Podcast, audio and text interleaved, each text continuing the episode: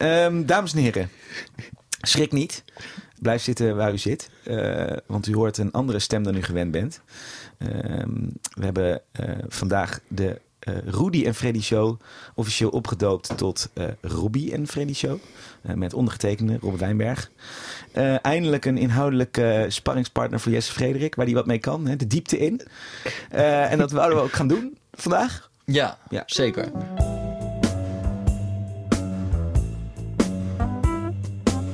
We gaan nu ons best een beetje voorzetten. Ja. En ook best wel met een complex onderwerp. Ja. Maar ik zeg erbij, ik ben hier de leek, hè. Ik ga alleen maar domme vragen stellen. Mhm. Jij gaat, Jesse, ons verlichten, hoop ik, over de euro. De euro. De euro. en waarom die eigenlijk niet werkt. Of althans, niet werkt zoals ons beloofd wordt dat die zou moeten werken. Ja, of waarom die momenteel niet werkt eigenlijk, wat de weeffouten zijn. Ja, de weeffouten. Um, maar voordat we daar um, aan toe komen, moeten we eerst even een uitstapje maken naar iets wat recent in het nieuws was. Hè? Mm -hmm. uh, Griekenland. Nou, dat is al, al een paar jaar in het nieuws. Mm -hmm. Maar er kwam niet zo lang geleden een uh, opzienbarend rapport van het IMF, mm -hmm. het Internationaal Monetair Fonds, uit. Uh, waarin ze eigenlijk kort samengevat zeiden van we hebben dit helemaal verkeerd aangepakt. Dat was niet de eerste keer geloof ik toch dat ze dit al zeiden. Nee, nee, nee. En het is wel even een uh, subtiel verschil tussen het is zeg maar de interne waakhond van het IMF. Dus die staat een beetje los van het IMF. Uh, en die doen dit soort evaluaties altijd na elk programma. En het ging deze keer ook niet alleen over Griekenland. Het ging over eigenlijk al die crisisprogramma's. Mhm. Mm -hmm. Maar de hardste conclusies waren eigenlijk over uh, wat er in Griekenland was gebeurd. Um, nou, daar hadden ze ook al wel eerder dingen over gezegd. Maar dit was wel, zeg maar, voor, voor zo'n bureaucratie als het IMF was het heel hard voor verwoord. Dus, um, nou ja, wat ze eigenlijk zeiden was dat toen het IMF uh, erbij werd gehaald in 2010. Uh, toen wisten ze eigenlijk al dat de, uh, dat de schuld niet houdbaar zou zijn. En in de IMF-statuten staat dat ze alleen mogen lenen aan landen waarvan ze kunnen hardmaken dat de schuld houdbaar gaat zijn. En toch gingen ze zo'n programma in zonder dat daar echt een analyse aan de grondslag lag van hoe dit ooit weer goed zou gaan komen met die Griekse schulden. Mm -hmm. um, en dat, zij, zij zei van nou, we vragen ons af of daar niet te veel politieke druk van Europese landen is geweest die gewoon niet wilden toegeven dat Griekenland eigenlijk failliet was. En dat ze eigenlijk uh, uh, hun banken eigenlijk allemaal leningen hadden ver, verstrekt aan een land wat failliet was. Yeah. Um, nou, dat is vrij harde en fundamentele kritiek op dat, uh, op dat programma. Ja, want uh, en wat ook wel opvallend is, tenminste daar, daar, schreef ik vorige week nog zelf nog een stukje over, is dat dat dan re relatief weinig aandacht lijkt te krijgen. Mm -hmm. um, de, ik bedoel, um, de, die hele onderhandelingen tijdens die crisis, die, die waren constant openingsjournaal, zeg maar. Uh, Dijsselbloem, de minister van Financiën, werd op de voet gevolgd.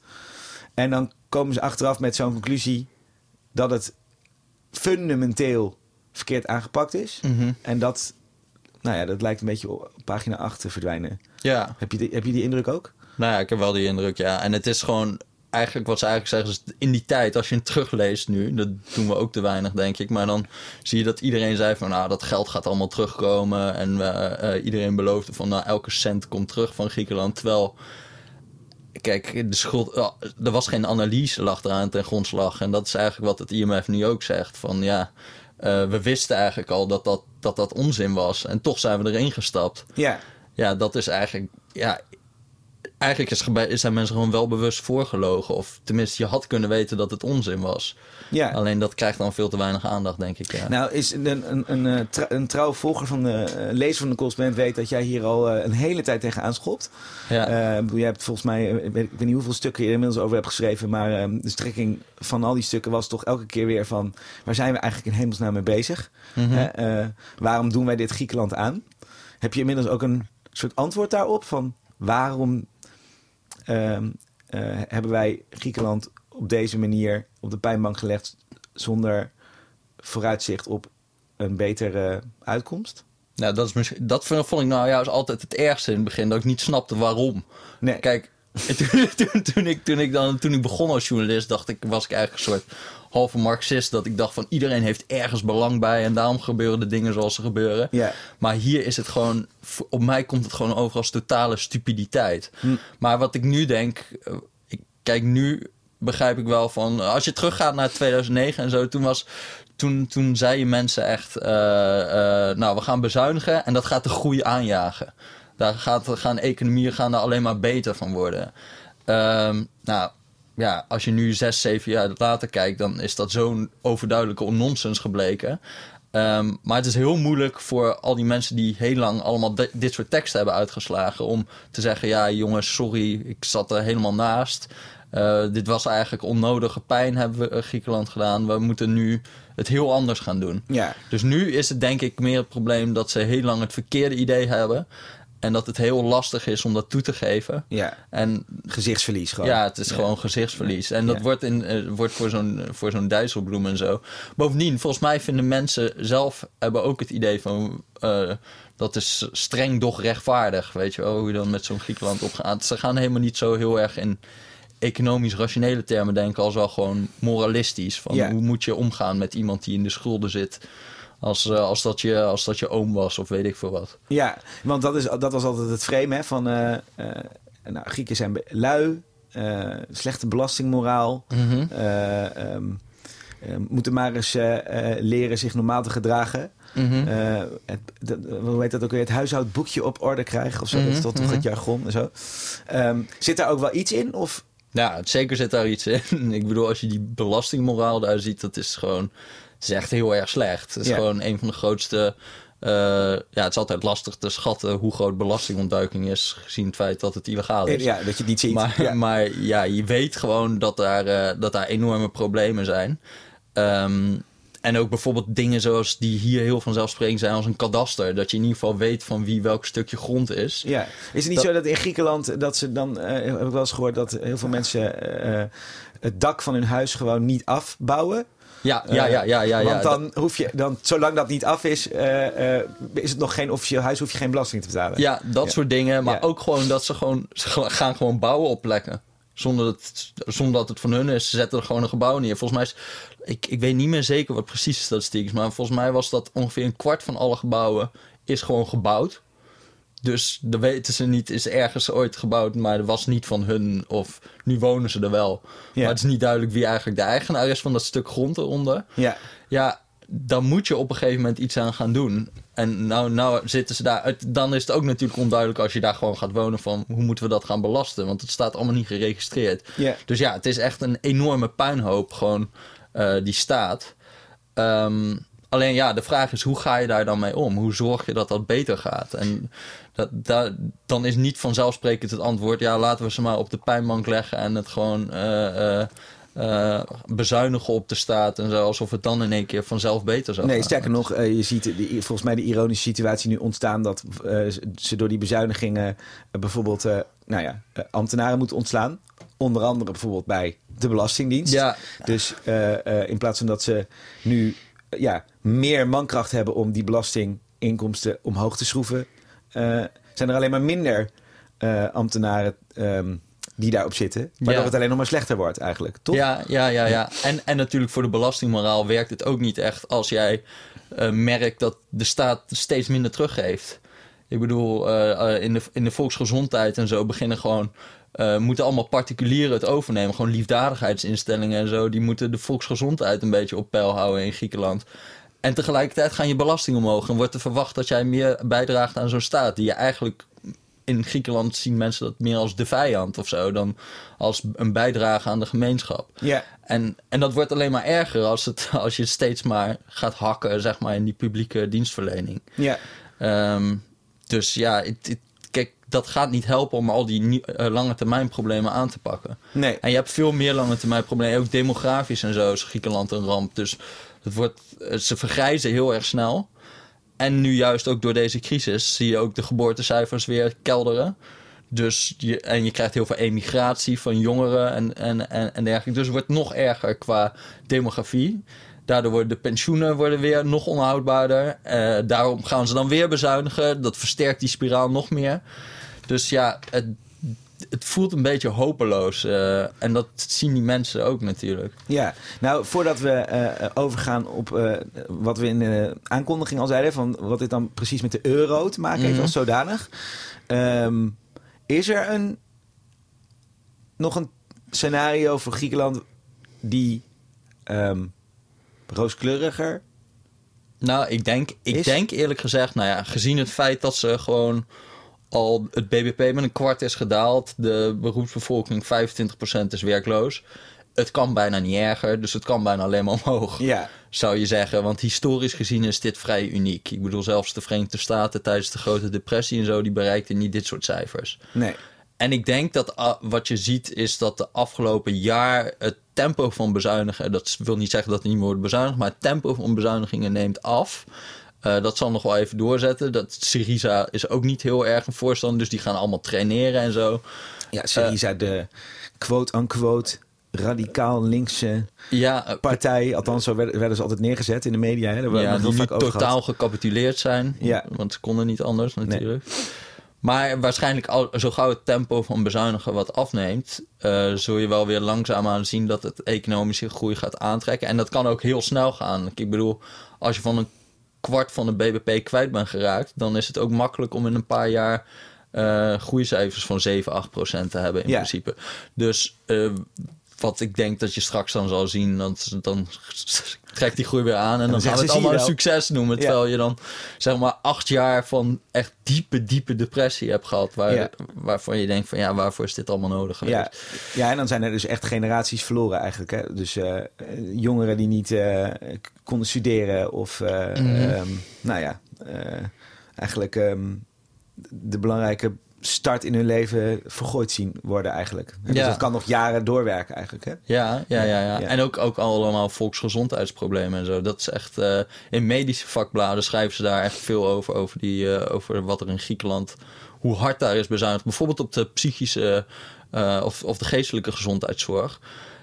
Je ziet ook een enorme stijging van daklozen en zo. Omdat die gewoon niet meer geholpen worden. Heel veel mensen met psychische problemen. Ja, Ja, dat, ik bedoel, dat, dat, dat is, heeft ook op de lange termijn allemaal effecten. Dit. Ja. En vooral ook mensen die, vijf, of die 25% werkloosheid.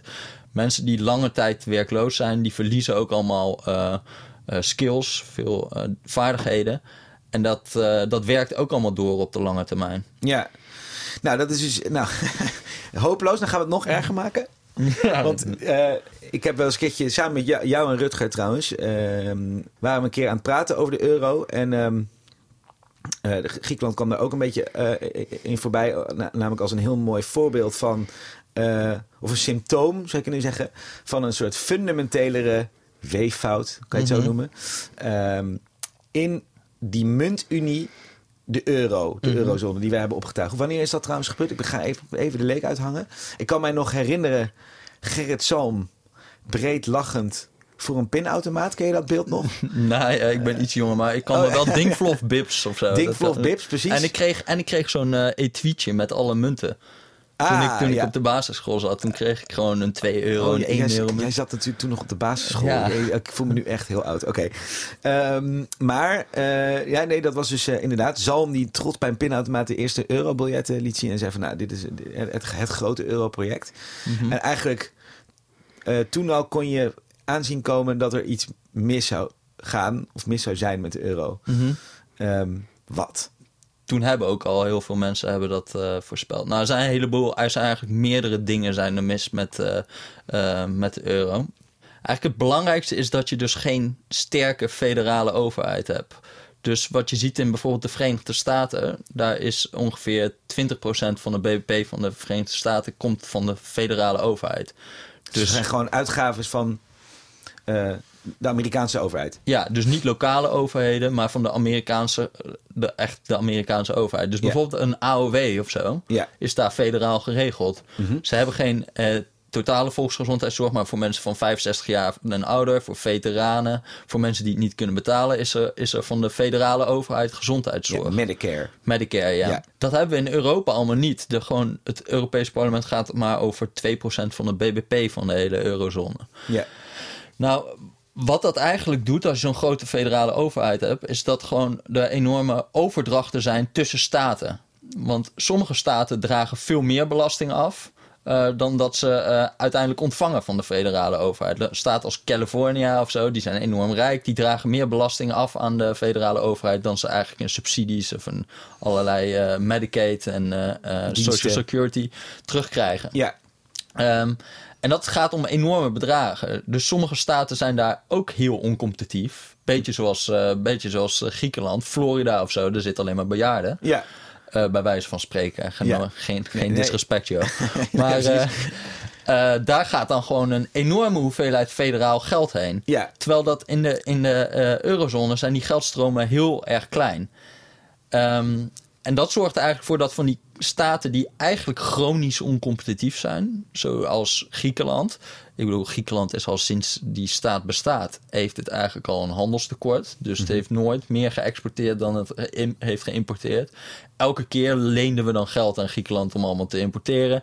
Dan na 20, 30 jaar gingen ze weer failliet. En dat is al een patroon wat we ongeveer twee eeuwen vasthouden. Ja. Alleen nu zeggen we in één keer van ho eens eventjes Griekenland. Nu zitten we in de muntunie en zeggen we oh dit accepteren we niet. Nee. Jullie gaan failliet, dat mag niet. Nee. En dan gaan we heel, heel erg boos eh, worden en zeggen jullie moeten allemaal bezuinigen en zo. Ja. Maar wat ze in, in, in, een echte muntunie zoals de Verenigde Staten doen, is dat accepteren en dat institutionaliseren. Dus accepteren dat sommige landen gewoon of staten chronisch oncompetitief zijn. Ja. Ehm, Nou, nee, nou, nou wijk je even als voorbeeld uit naar Amerika. Maar eh, volgens, de eerste keer dat, dat jij me dit zo uit de doeken deed, toen ehm hadden we het nog over Nederland. Mhm. Ik denk dat jij eh, eh, geen provincies tegen de schenen wil schoppen. Dus dat je dacht, ik ga mooi even naar een ander land. Ik heb, ik, heb ooit, ik heb ooit eens in de Volkskrant gezegd van... nou ja, Griekenland is een beetje Limburg van Nederland. Ja, Nou, chronisch dat- dat- oncompetitief. ja, dat ging niet helemaal goed. Dat, dat ging niet helemaal goed. Het was ook, ik heb eigenlijk geen idee of Limburg zo Maar- oncompetitief is. Nee, precies. Maar laten we zeggen, eh, eh, als je het even naar Nederland brengt, er zijn provincies die, eh, laten we zeggen, geld kosten. En Ze, ze, ze Ja. nemen meer in overheidssubsidies of eh, ehm, eh, overheidsgeld binnen dan dat ze eigenlijk opleveren, verdienen aan belastingen. Ja. En er zijn provincies die meer opleveren. Mhm. Ik kan me zo voorstellen dat Zuid-Holland veel geld eh, oplevert omdat ze een grote haven hebben bijvoorbeeld. Of eh, ehm, Groningen hè, met gas. Groningen met gas. Of eh, Noord-Holland misschien met Schiphol of Mhm. zoiets. Dus daar wordt geld verdiend. En eigenlijk via die overheid... ehm, eh, dat wordt geaccepteerd, want we zeggen het is één land. We zeggen niet tegen ehm, Drenthe... Pardon mensen. Eh, ik, ik noem het als willekeurig voorbeeld. Ik weet dus ook niet of, of dat ook eh, een, een geldkostende provincie is. Maar stel dat dat zo is. Dan zeggen we niet tegen Drenthe... Hé, hey, luister eens. eh, Noord-Holland is boos. Jullie kosten allemaal geld. Terwijl zij geld opleveren. Dat kan zo niet langer. Dat Ja. accepteren we. Want we zeggen het is één land. Ja, ja En eigenlijk is de euro, zou je kunnen zeggen... maakt van Europa één land. Ja. Met allemaal soort provincies. Eh, ehm, maar daarvan accepteren we dus niet dat zo'n provincie zoals Griekenland, om maar even te eh, als voorbeeld te noemen, geld kost, terwijl Nederland geld oplevert. Ja.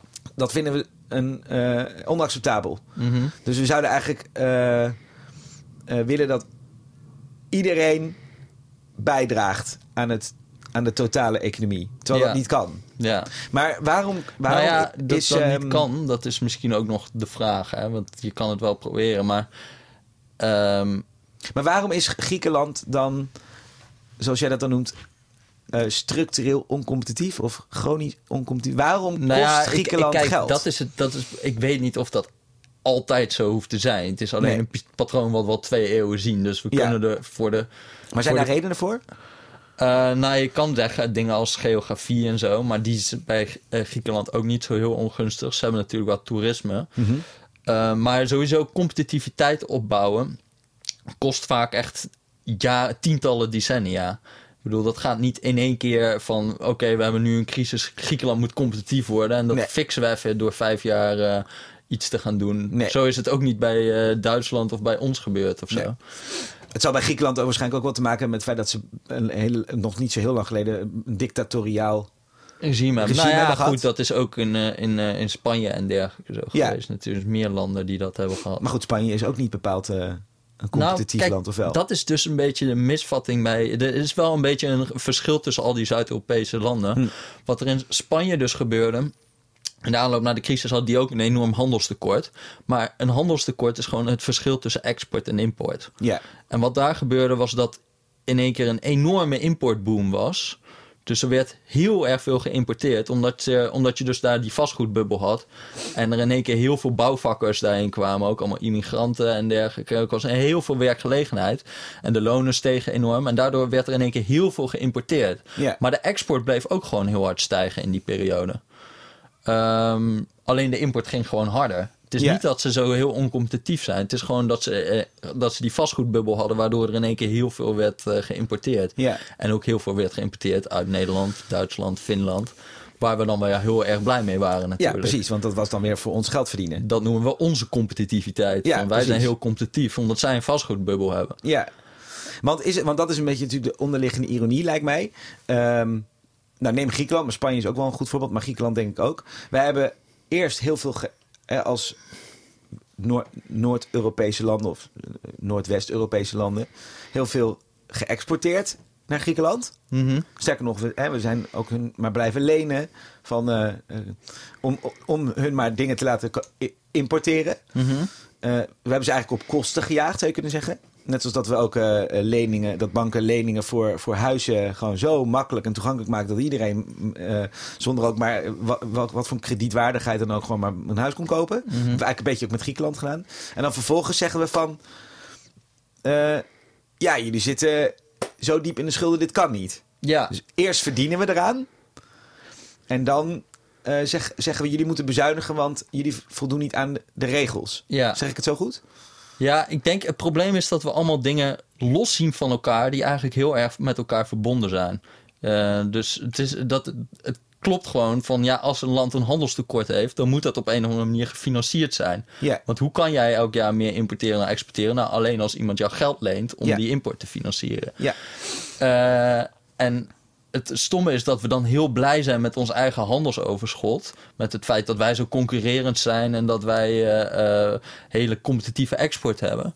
Maar heel erg boos zijn op andermans handelstekort. Dus van die anderen zeggen we dan: jullie zijn oncompetitief, jullie moeten ook concurrerend worden. Ja. Terwijl 70% van de handel in de Europese Unie is binnen de Europese Unie. Dus je kan, niet, je kan bijna niet hebben dat iedereen concurrerend is of dat iedereen een handelsoverschot heeft. Want tegenover elk handelsoverschot moet een handelstekort staan. Ja. Dat is niet eens een theorie, dat is gewoon boekhouden. Ja, dat lijkt, mij, anders. dat lijkt mij een heel belangrijk getal. 70 procent. Van de handel is binnen de Europese Ja. Unie. Ja, Dus eh, laten we zeggen, wij verdienen als Europese landen voornamelijk aan elkaar. Mhm. En als wij goed gaan als Nederland, meer verdienen, meer exporteren, dan is voor 70% kun je zeggen, moet dat ook ergens vandaan komen uit de Europese Unie. ja. Dus daar is dan een tekort. On- ontstaat dan een tekort. Dat kan Ja. niet anders. Nou ja, je ziet ook als je gewoon het, eh, er een grafiek van maakt van de handelstekortlanden, dus Spanje, eh, Italië, eh, Griekenland, Portugal. En dat leg je naast het overschot van de landen die in, zoals Nederland en Duitsland, dan is het bijna een spiegelbeeld. Hele lange tijd Ja. in de aanloop naar de crisis. Dus naarmate ons overschot stijgt, eh, wordt hun tekort groter.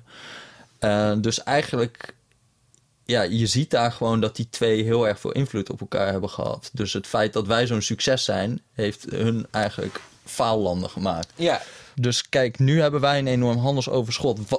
We hadden ook gewoon, eigenlijk moeten wij wat meer gaan importeren uit die landen. ja, Want dan kunnen ze ons echt terugbetalen. ja. Snap je? Dus als wij wat meer toerisme in Meer Griekenland olijven, hebben. meer ja, olijven en vetten eten. ja, precies. Ja. En gewoon eh, meer vakanties in die zuidelijke landen. Dan kunnen ze ons terugbetalen. Maar nu stellen we ze ook niet in staat om terug te betalen. Want wij willen ook nog steeds een handelsoverschot. Wij willen ook nog steeds meer exporteren dan importeren. ja. We zijn gewoon veel te spaarzaam eigenlijk in het noorden. Eigenlijk moeten wij dus meer gaan uitgeven. Zodat zij ons, aan ons kunnen optrekken. ja. Maar nu zeggen wij eigenlijk alleen: ja, jullie moeten gewoon eh, eh, alleen maar gaan bezuinigen. Jullie moeten dat tekort weg, eh, wegwerken door minder te importeren. ja. Terwijl we eigenlijk zouden ze dat tekort moeten wegwerken door meer te exporteren. En dat kunnen wij eh, mogelijk maken door meer te importeren. Ja, precies. Snap je? Ja. Maar alleen dat, zo, zo ver zijn we niet, zeg maar. Nee. Dat we zien dat al die dingen met elkaar samenhangen. Nee. Ehm wou je ook nog het stadion hierbij betrekken? Want jij, hebt altijd eh, eens in de zoveel tijd hebben wij eh, gesprekjes hè, eh, in de tuin en eh, bij het koffiezetapparaat. Ja. En dan onherroepelijk komen altijd, ik weet niet of je het wel eens gebruikt hebt in de podcast. nee, nog niet. nog niet. Nee, nee, de stadionanalogie. De stadionanalogie. Zeg even, dit is een beruchte analogie op de redactie van de correspondent. Hè, de, de stadionanalogie van Jesse Frederik. Het is, nou, hem ik heb even het uit. natuurlijk helemaal niet verzonnen. Maar het Oh. is gewoon, stel, eh, jij bent ergens in een stadion en je wil de wedstrijd beter zien, dan ehm, kan je het beste opstaan. Maar als iedereen dat doet, dan werkt het niet. Nee. En er is heel veel denkfouten in de economie. Ik denk dat het is grootste denkfout is dat we heel erg vanuit onszelf gaan denken wat redelijk en wat moraal is en weet ik het. Eh, en niet denken van wat als iedereen dat doet. Mhm. Eh, dus zoiets als sparen is heel deugdzaam als jij de enige bent die het doet. Maar als iedereen gaat sparen, dan heeft niemand meer inkomen. Want als iedereen zijn uitgaven gaat beperken, uitgaven is gelijk aan inkomen. Als ik 100 euro uitgeef bij de Albert Heijn, heeft de Albert Heijn 100 euro aan inkomen. ja, Maar als iedereen zijn uitgaven gaat terugschroeven, heeft ook niemand meer inkomen. En dan kan je eigenlijk niet eens sparen. nee. Alleen we snappen niet dat dat allemaal samenhangt. Ja, precies. Dus dat, dat eh, allemaal medailles met twee kanten is. Ja, Ehm, ja, ja, er zijn wel meer dingen eh, fundamenteel mis met de euro. Is er dan nog één ehm, die we de revue moeten laten passeren? Mm, nou, ik denk ook wat, ook een heel, wat je heel erg zag in die crisis. ehm, was dat eh, al die rentes op staatsobligaties dus helemaal door het dak schoten. Dus mensen verloren vertrouwen dat Griekenland zichzelf kon financieren. Eh, dat ze genoeg belasting kon heffen om schuldenaren terug te betalen. En toen gingen ze steeds hogere rentes vragen, waardoor er nog groter verlies van vertrouwen was, waardoor die rentes nog hoger gingen, tot je op een punt kwam dat de Griekse staat zichzelf niet meer kon financieren eigenlijk. En dan, Self-fulfilling prophecy is het eigenlijk. ja, het is een self-fulfilling prophecy. En dan moeten wij, of dan moeten andere landen, moeten Griekenland gaan financieren, want anders dan gaat ze gewoon failliet. Ja, Ehm, nou, wat, wat een beetje het probleem is met de. Dat probleem zou je eigenlijk nooit hebben in Japan of in het Verenigd Koninkrijk of in de Verenigde Staten. Want die landen die hebben een eigen munt die ze zelf controleren. En dan heb je ook een centrale bank die je zelf controleert. ja, Dus wat er daar zou kunnen gebeuren, is dan kun je stel beleggers zeggen van, eh, oh, ik verlies mijn vertrouwen. Dan kan je gewoon tegen de centrale bank zeggen, oké, druk maar geld. Eh, want je kan niet gedwongen worden failliet te gaan als je je eigen munt controleert. Want je kan altijd nieuwe dollars maken, zeg maar. ja. Eh, en dat is ook een beetje een weeffout in de, in, de, in de eurozone. Dat je hier kan je van die self-fulfilling prophecies krijgen. Omdat, dus, omdat er geen centrale bank is die een vloer legt van, of een plafond legt op die rentes. ja. En uiteindelijk toen deed, toen deed Draghi dat wel. Die zei van... Even, eh, wie Draghi, Draghi? oh, Draghi is de president van de Europese Centrale Bank. Precies, ja. En die had toen eh, op een gegeven moment zo'n interview en toen zei hij, eh, we laten dit nooit gebeuren. En toen boom, al die rentes omlaag. En toen was het in één keer afgelopen met de crisis. Ja. En dan denk je, goh, was het zo simpel? Ja, Dan had eerder moeten doen. Ja, dat, dat- nou ja, goed. Je, je snapt ook zijn redenering wel of zo. Van, die zitten allemaal in dat disciplineframe en zo. Ja, En als je, als je zegt van, dit is helemaal ontworpen juist zodat dit zou gebeuren. zodat de financiële markten landen zouden disciplineren als ze te veel gaan doen. Ja, want als ik het goed begrijp, ik ben natuurlijk geen econoom. eh, en ik heb niet, zoals jij, eh, de, eh, als grootste hobby IMF-rapporten lezen. ik weet nou niet door ja. wat voor een weeffout in jouw hoofd dat eh, jou, jou, eh, waarom je dat zo leuk Ik vindt. doe, doe ook andere dingen in mijn vrije tijd. hè. Ja? ja, ja, verslagen. nee. Ehm, maar als ik goed begrijp, vroeger kon je volgens mij als land, als je je eigen munt had, nog ze- zeggen van. ehm, eh, Oké, het gaat nu niet goed. We zijn niet concurrerend. Eh, Griekse olijven zijn eigenlijk te duur. Ehm, we devalueren ook de munt. Wordt Griekse eh drachme, was dat geloof ik, hè? Wordt gewoon goedkoper. Daardoor wordt het aantrekkelijker om producten van ons te kopen. Dus gaat de ex zwengelt dat de export aan. Maar nu kan dat niet. want Je kunt de euro niet als geheel goedkoper maken om Griekenland aantrekkelijker te maken als exportland, toch? Dat, we zitten eigenlijk vast aan één koers. Daar komt het erop neer. Ja, ja, ja. ja. En ehm, Dit lijkt mij hele basale dingen die je soort van van tevoren gewoon op papier kan zetten. Van als wij één munt hebben straks, al die landen, Dinkvlof, Bips, al die landen in de euro, dan, dan, dan gaat dit niet meer. Eh, waarom is het dan toch ingevoerd? Want dit klinkt zo, of is dat een heel ingewikkelde vraag? nou ja, weet je, ik, ik probeer me zuchten. altijd... Ja, ik probeer altijd alles... Nou kan me van niet vragen, waarom doen politici dit en zo? Ja, dat is echt above my pay grade. Ik heb echt geen. Ik heb vaak echt ook niet helemaal een idee. Ik denk dat het heel Is erg. dat nou vragen om salarisverhoging? dat, je, dat je dit antwoord wel wil geven als ik eh salaris omhoog gaat? Nou, we zullen eens kijken. Nee, maar ehm, ik denk dat het heel erg ook ingegeven is door meer door niet zo'n economisch rationalistische kijk, maar meer door echt politieke dingen. Er zijn wel. Toen was ook net de val van de muur. eh, toen dit allemaal werd besloten en het hele idee van zo, hoe gaan we dan Duitsland weer inkapselen als ze weer een echt een he- geheel Duitsland zijn. En hoe zorgen we dat die binding heel sterk wordt met Europa? Want we willen niet nog een keer oorlog en zo. Dat soort gevoelens waren daar heel erg Ja. sterk. En dat waren allemaal dingen die niet met economie te maken hadden. Ehm, en, Ja. en wat dus ook heel veel werd gedacht in die tijd. En dat was eh, echt was denken van oké, dit zijn problemen. Maar dan komt er straks een crisis en dan lossen we dat wel op. Ja. Dan kunnen we de volgende stap zetten naar een federale unie. Ja, ik wou zeggen, want dat was eigenlijk volgens mij altijd de, de, de, de gedachte erachter van... weet je wat, we knopen al die landen nou eerst economisch aan elkaar met zo'n munt. Ja, een stukje duct tape. Een stukje duct tape. En we weten, die problemen zitten er wel aan vast. Maar ehm, als we ze dan toch economisch aan elkaar hebben geplakt... dan wordt het vanzelf ook wel een politieke eenheid. En Ja. dan krijg je wel die federale overheid die je zoals, zoals in Amerika hebt. En dan wordt het eigenlijk staat, Verenigde Staten van Europa. En dan ehm, eh, kunnen we alsnog vanuit een soort, nou ja, supranationaal, eh, Brussel... Mhm. kunnen we, eh, ehm, zoals een land dat met zijn provincies afhandelt, hè, die, die, die overdrachten en zo, dat doen we dan eigenlijk gewoon Eu- Europees. Maar Ja. dat is er eigenlijk nooit van gekomen. Nee. En, dat, en dat, dat wordt steeds onwaarschijnlijker eigenlijk gezien hoe het nu gaat natuurlijk. Ja. Dat is gewoon een enorme misvatting geweest. Dat, je, dat mensen in een crisis in één keer denken van oké, doe dat dan maar. Ja, Eh, we zijn juist eerder nu de andere kant op aan het bewegen. Dat er steeds meer afkeer is tegen dat idee van dat Brussel het dan maar gaat doen. ja. Dus, eh, terwijl het eigenlijk, laten we zeggen, in Maar- termen van hoe dit functioneert, wel ehm, ehm, beter zou zijn. Omdat je, of denk ja, jij niet? ik, weet- ja, het is allemaal. Het wordt dan ook heel erg politiek en zo. Want ik vrees er ook wel een beetje voor om. ehm, kijk, als er helemaal geen draagvlak voor is, dan, Nee, ga- dan, dan moet je het gewoon niet doen. Nee. Dan, dan moet je het echt niet doen. Nee. En dan kunnen wij wel allemaal zeggen: oké, economisch, rationeel is dit de beste oplossing. Ja, maar dan hebben we... Maar dan, dan zaaien we echt gewoon eh, alleen maar, eh, zeg maar, de ondergang komt dan toch wel op Ja, een gegeven moment precies. van dit hele idee. Eh, dus eigenlijk, ik zou wel nu op dit moment veel meer in de, in de duct tape richting nog denken van wat kunnen we nu doen om, Lijmen. Ja, om. Het, om, om het nog ietsje draaglijker allemaal te maken. Oké, we hebben nu. eh, ehm, kijk, normaal zit je hier natuurlijk met de correspondent vooruitgang. Ja. Gebrechtman. Ja. Dus dat is één groot optimistisch gebeuren natuurlijk altijd met hem. Ja, en dan komen we samen netto ergens op nul uit. Eh, precies. Dat pessimisme van jou dat, eh, wordt dan net eh, op nul eh, gebracht. Maar we hebben tot nu toe wel een beetje best wel treurig. Dit werd tot nu toe wel een hopeloos gesprek eigenlijk. Ik bedoel, Maar ik vind het ook echt heel erg treurig.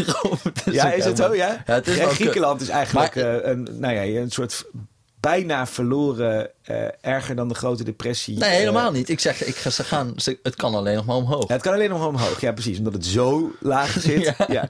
En nou, de euro, fundamentele weeffout hebben we gehad. Maar zijn er ook, ehm, want dat stond ook een beetje in ons voorbereiding van, zijn er ook nog, Dingen die we nu wel kunnen doen. Ja. ja. wat, eh, dokter Frederik. Ik denk eigenlijk voor ons als Nederland is het best wel een optimistisch verhaal. Want wat wij eigenlijk moeten doen is even wat meer hedonisme hier brengen.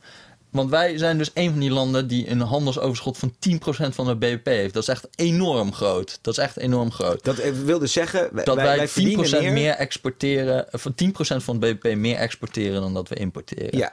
Dus wij verdienen aan het buitenland. Ja, we zijn dus, eh, je zou kunnen zeggen, we zijn goede handelaren, maar we zijn ook inderdaad zuinig. Ja, Ja. zeker. Ja. Ehm, maar wat we eigenlijk zouden moeten doen, is wat minder sparen en wat meer uitgeven. Mhm. Dus je zou, eigenlijk zou de overheid hier even helemaal af moeten van dat 3% idee. Of de.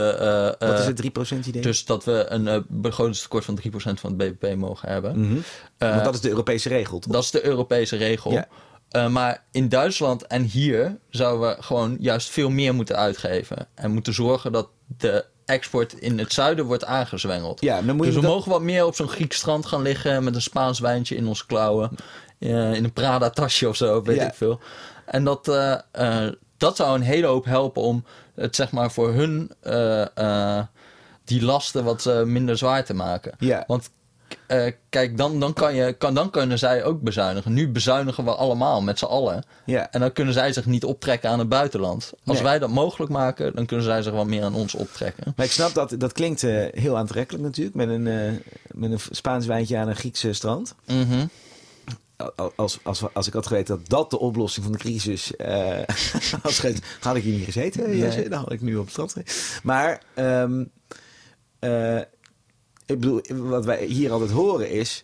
Nee, eh proosdiscipline, eh, hand op de knip. We moeten rustig aandoen. eh, we geven al te veel uit, We überhaupt. geven altijd. Kijk, wij- de financiële dat markten. veel. Die schreeuw eigenlijk tegen ons: ga alsjeblieft geld uitgeven. We, we kunnen nu 10 jaar lenen. Laatst, ik weet niet of het nu op dit moment zo is, maar we konden laatst 10 jaar leen- geld lenen voor een negatieve rente. Dus we krijgen geld toe als we 10 jaar lang geld lenen. Dat is eigenlijk de financiële markt die schreeuwen: doe alsjeblieft iets met dit geld, want wij weten het niet meer. Nee. Dus laten we naar luisteren naar de financiële markten en dat ook gewoon gaan doen. Ja, en dat, maar dat kunnen we, want het klinkt contra-intuïtief. Van, we moeten nu weer geld gaan lenen. Om, want mijn beeld van die hele crisis is... Griekenland en Spanje, weet ik, die hebben zichzelf een soort van min of meer in, in al die ellende geleend. En dan zeg jij, nou moeten wij ook gaan, geld gaan Nou, lenen. Oké, laat ik het eh, nu. Ik, maar, formuleerde het misschien wat eh, provocatief door te zeggen: we moeten Prada-tassen kopen en zo. Ja, Dat moeten we ook. ja, Maar we, moeten, eh, we, we kunnen ook gewoon echt denken aan investeringen. Dus bijvoorbeeld eh, zonneparken in Spanje aanleggen met ons geld. Mhm. Als je tien jaar kan lenen voor een negatieve rente. Mhm. Wow, ik denk wel dat dat een positief rendement oplevert, een zonnepark in Spanje. Of een, eh, of een heel eh, Europees energienet om dat gewoon slim te gaan maken. Of gewoon grote, grote investeringen in hernieuwbare energie. ja, En dat dan in Zuid-Europa doen. ja, Ehm, met ons geld. ja, Maar dat, eh, kijk, dat, dat helpt om die economie weer een beetje aan de gang te krijgen. En het helpt ons ook.